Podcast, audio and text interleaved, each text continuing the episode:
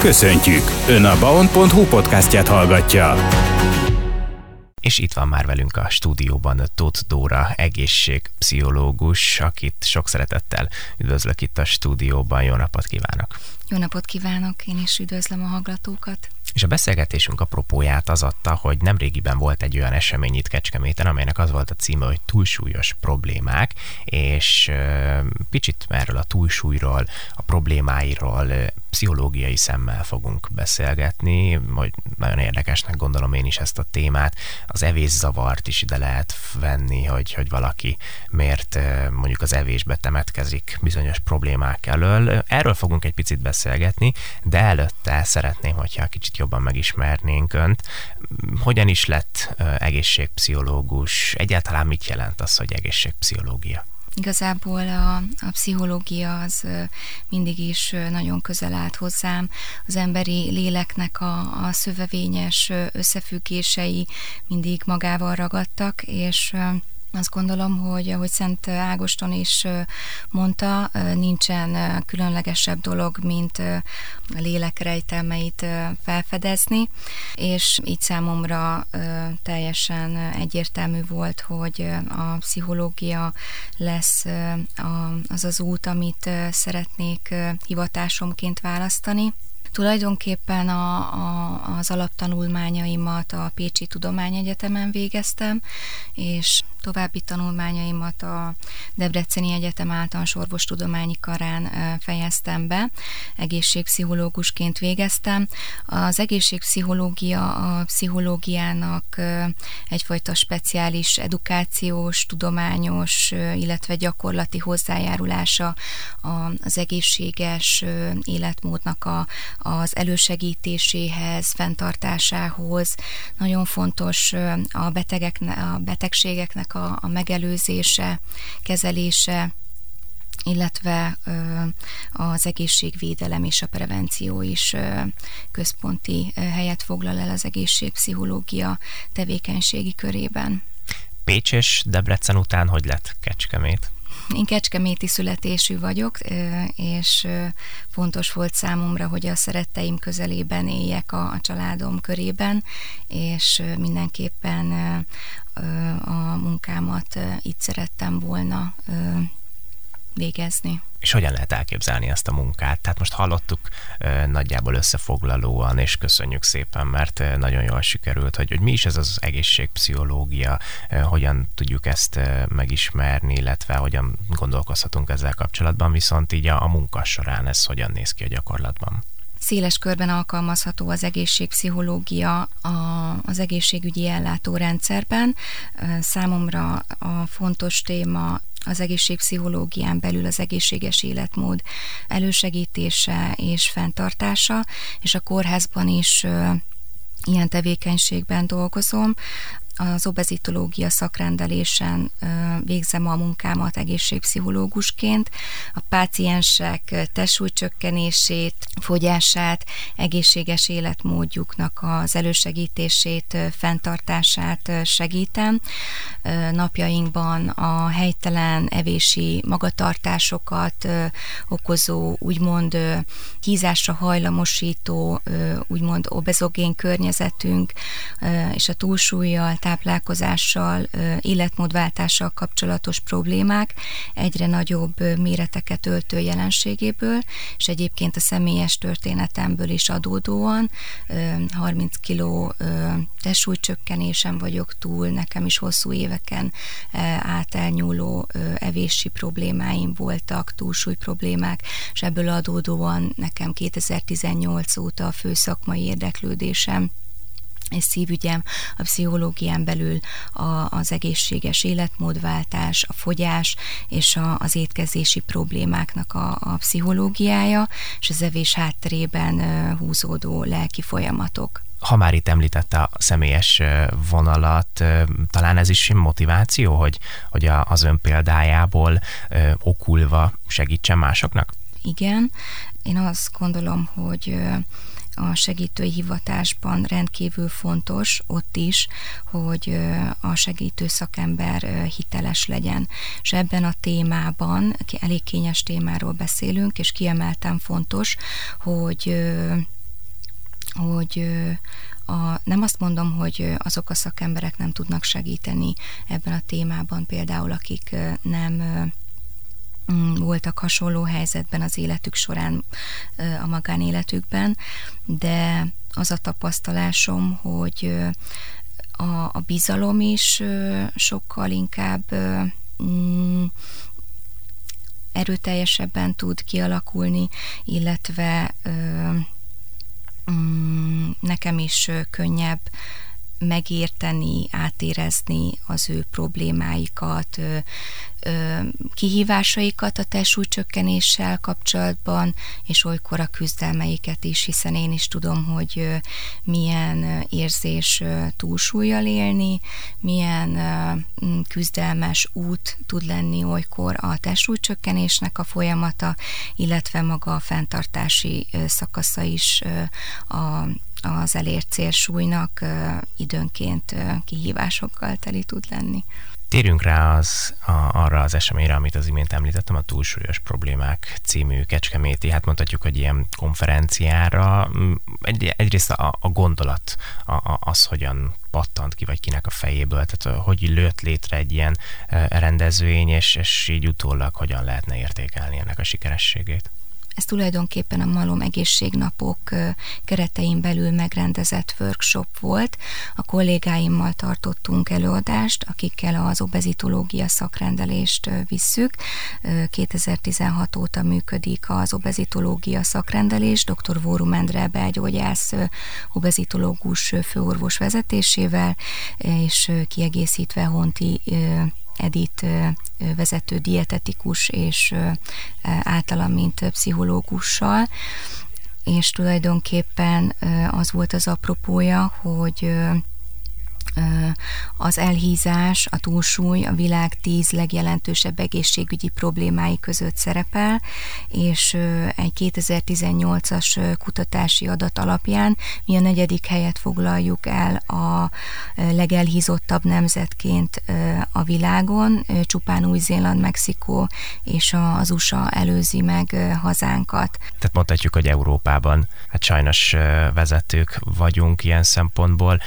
Ez miért lehet egyébként? Van erre valami gondolat, hogy Magyarországon ez egy hatalmas probléma? Szociális okai is lehetnek, életmódbeli okai is, számos olyan meghatározó dolog működteti az evési magatartást, amelyek befolyásolják esetleg a, a túlevéseket.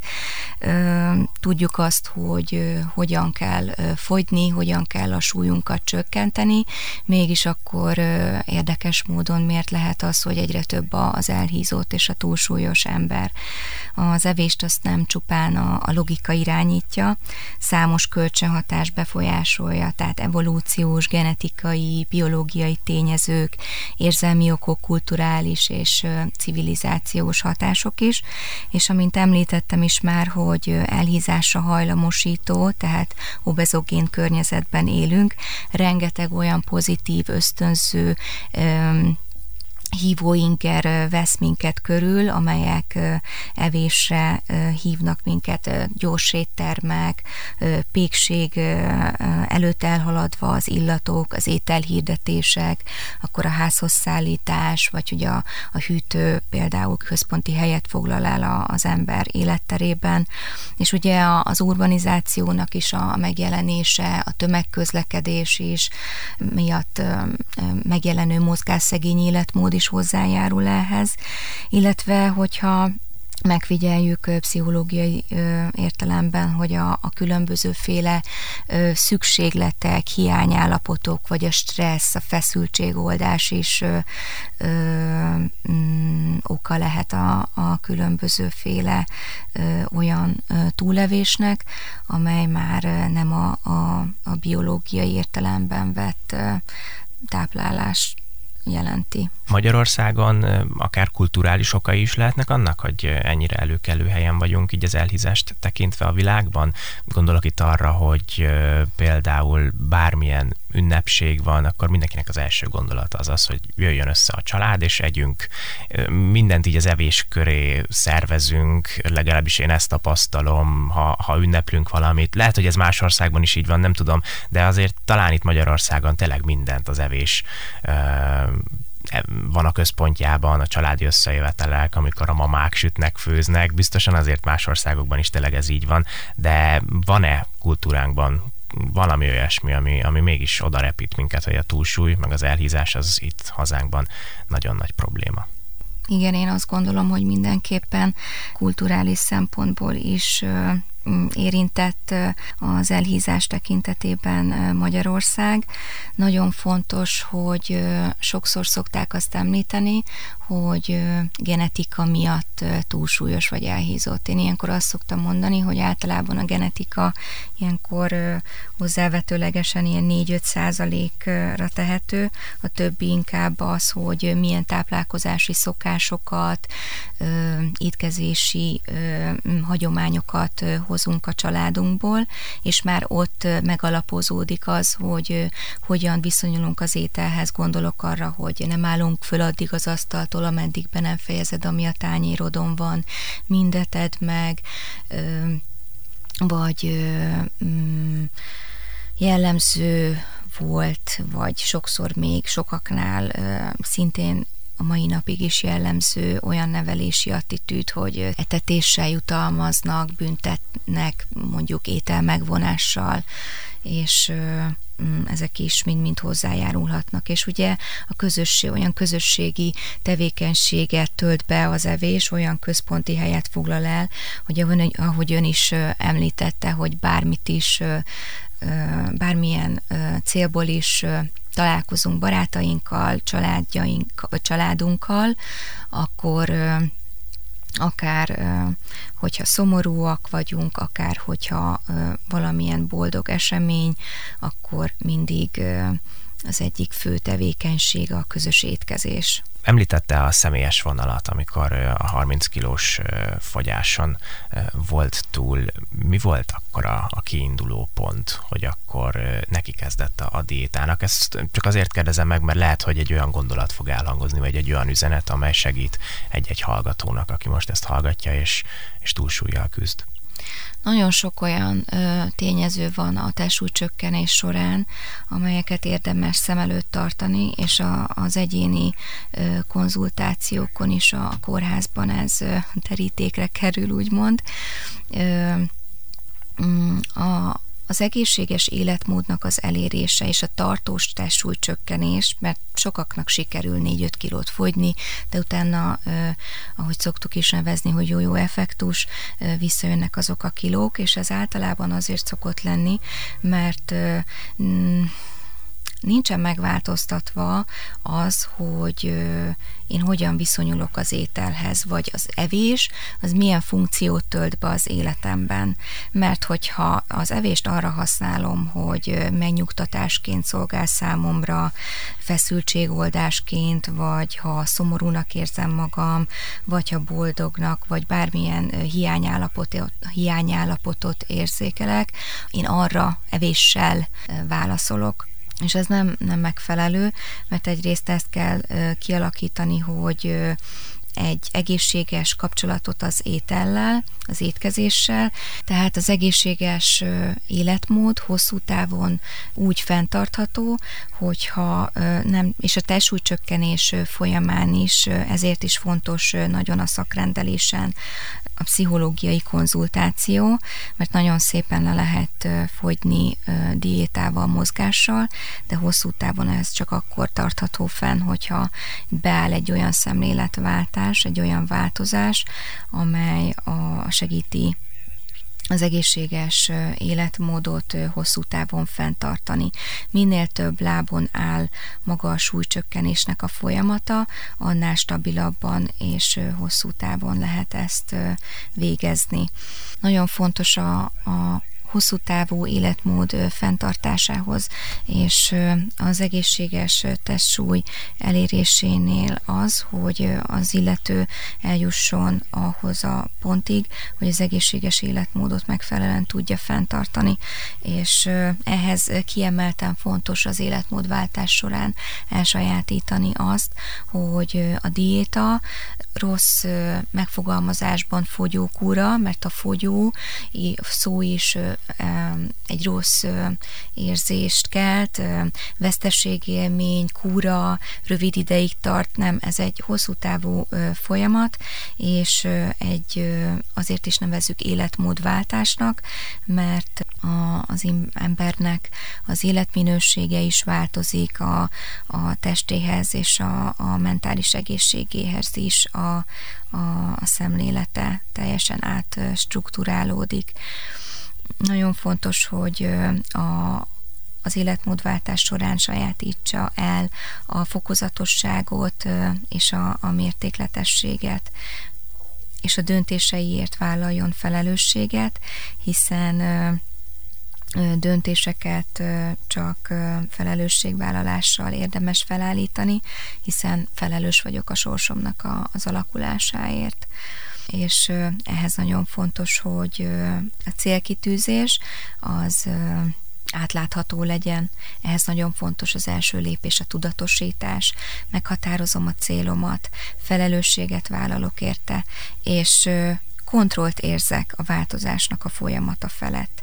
Nagyon sok fogyókúrázó úgy éli meg az életét, és direkt ezt a szót használtam, mert nagyon fontos, hogy tehát úgy éli meg az életét, hogy külső kontrollosként, hogy külső kontrollral rendelkezik, a környezet úgy érzékeli, hogy a környezete által van irányítva, kiengedi a kezei közül az irányítást, és nagyon fontos, hogy ne úgy élje meg a személy az életét, hogy a körülmények áldozata és csak sodródik, és mások osztják be például az ő napirendjét, hanem belső erővel rendelkezik, egy belső kontrollral, hatással van a saját életére, a saját környezetére, és ő irányítja az életét.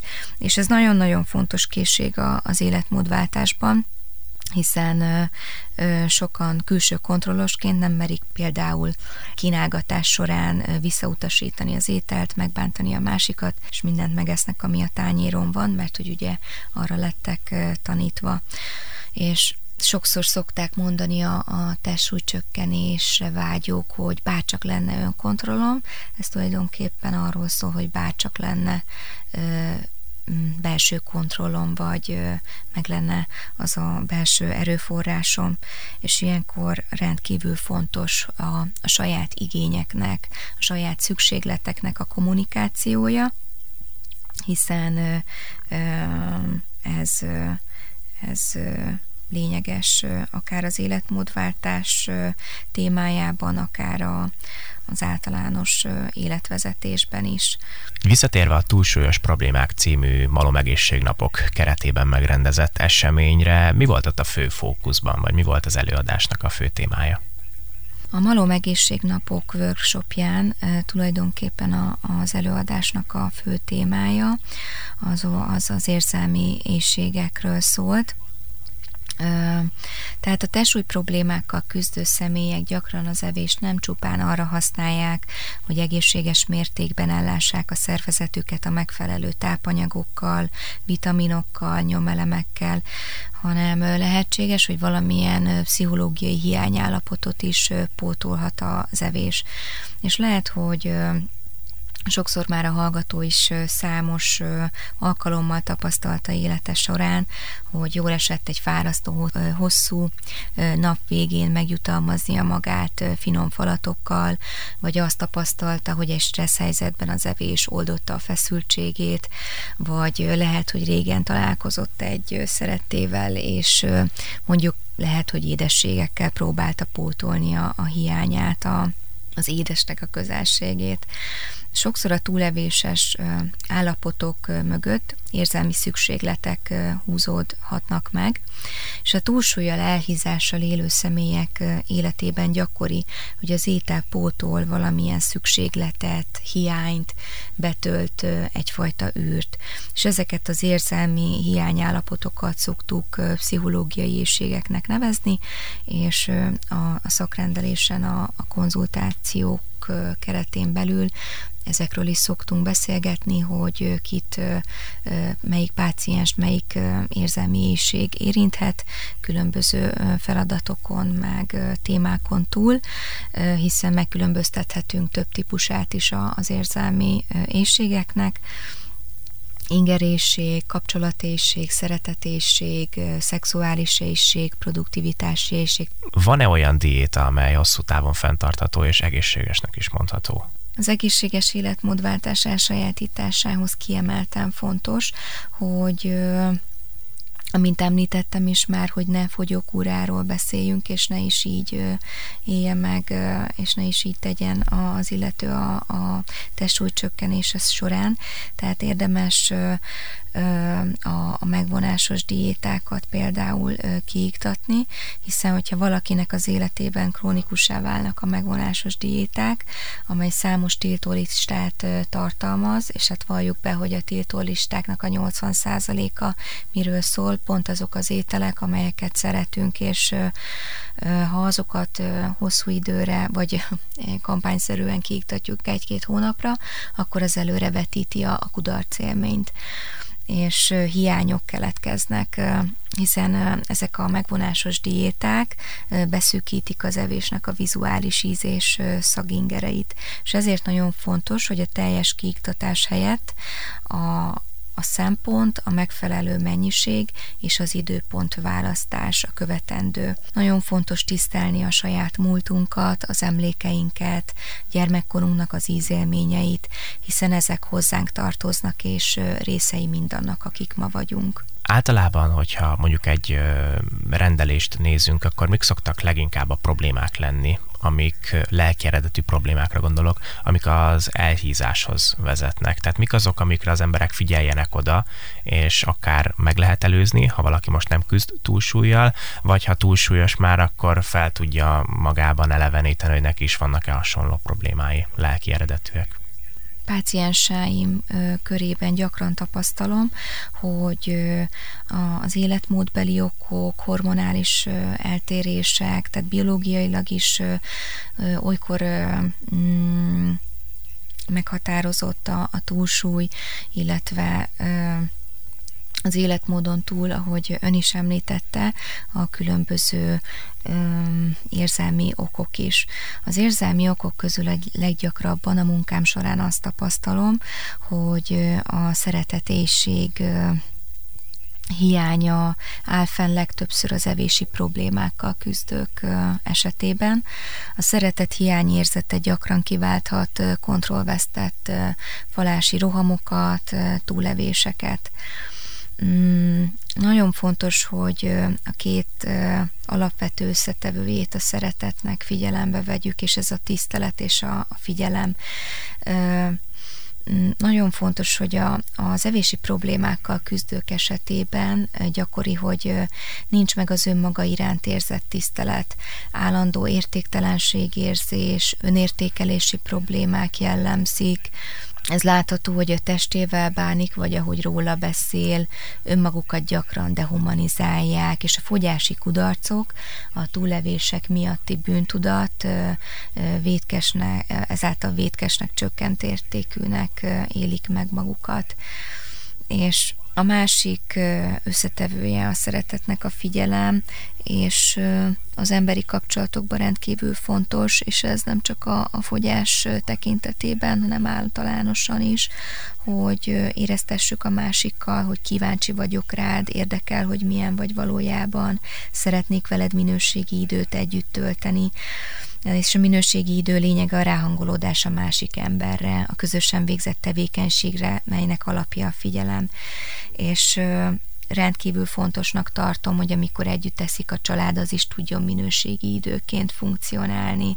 Tehát az étkezések alkalmával ö, tudjanak együtt beszélgetni, kivel mi történt aznap, és ö, tiszteljük meg az étkező asztalt is, tehát legyen méltósága az étkező asztalon csak olyan tárgyak legyenek, amelyek az étkezésekhez használnak. Egyszerű legyen, letisztult, tiszta, és bármilyen más tárgy, telefon, pénztárca, papírok ne legyenek a, az asztalon. Esetleg lehet szép teríték, virág, gyertya, megtisztelve az egymással töltött időt, és értékelve, hogy együtt lehetünk. És akár lehetnek kedves üzenetek is elhelyezve, jó, hogy például, hogy jó, hogy itt vagy, már vártalak, biztos fáradt vagy, gondoltam rád, és mm, a, a szeretet és a bizalom ugye az biztonságot ad. Azért is leggyakrabban azt tapasztalom, hogy a, a a pácienseimnél a szeretet utáni vágyódás gyakran túlevéshez vezet, hiszen a biztonság és a kapcsolódási vágy alapvető emberi szükségletünk. Tehát egész életünk során minden pillanatban erősen él bennünk az a vágy, hogy, hogy tartozzunk valahová, el tudjuk magunkat helyezni a világban. És az ember számára az a legszorongatóbb érzés, ha érzelmileg vagy fizikailag elveszettnek érzi magát. Hogyha nincs egy biztonságot hozó forrás, mely biztosítaná a legalapvetőbb vágyát tartozni valakihez. És ugye már korai életszakaszunkban megtapasztaljuk azt, hogy a gondoskodást és az etetést azt úgy összekapcsoljuk magunkban szorosan. Tehát mm, gyakran találkozom a munkám során, hogyha valaki vágyódik a szeretetre, nem kap elég figyelmet, törődést, akkor evés útján próbálja pótolni ezt a hiányt, és leggyakrabban például édességeket választ, ugyanis hát elsődleges élményünk is az, hogy édesanyánk karjában ringatott, és visszavágyódtunk abba a biztonságos édesanyatejjel megnyugtatott állapotba emiatt nagyon fontos ezeket az igényeket felismerni, hogy, és hogy megfelelően tudjuk asszertíven megfogalmazni, kifejezni a, a szeretteinknek, vagy akik felé van ez a hiányunk. Vannak olyan szélsőséges diéták, amelyek kapcsolat hiányhoz vezetnek, mert például nem illeszkedik az embernek a hétköznapjaiba, és ezáltal lehet, hogy kimarad egy olyan szociális élményből, amelyre egyébként megvágyna. Például kihagyja a barátokkal való pizzázást, mert aznap gyümölcsnapja van, vagy lépőjt kúrának a második napja, vagy például a családdal nem ül le enni, mert ő nem azt teszik, és nem akarja a, a többiek ételét megkívánni, és inkább teljesen kivonódik a, a helyzetből, és ez miatt a, a kirekesztettségérzés, megjelenhet az elmagányosodás, vagy hogyha valaki úgy éli meg, hogy mm, az, az a rossz értelemben vett fogyókúra elszeparálja őt a társaitól, ezáltal nem tartozik egy közösséghez sem, vagy akár esetleg a családjában is egyedül érezheti magát, ez beindíthat egy ördögi kör formájában egy, egy negatív spirálként a kapcsolódás utáni vágyódás miatt túlevést, akár valásrohamokat. Én azt gondolom, hogy nagyon értékes gondolatokkal gazdagodtunk, és nagyon remélem, hogy tényleg ezek az értékes gondolatok meghallgatásra kerültek itt az elmúlt időszakban, elmúlt percekben. Tóth Dóra egészségpszichológusnak nagyon szépen köszönöm, hogy itt volt velünk. Én is köszönöm szépen. Ennyi fért bele a mai műsorunkba, tartsanak velünk a legközelebb is. Vízi Zalánt hallották a Viszonthallásra.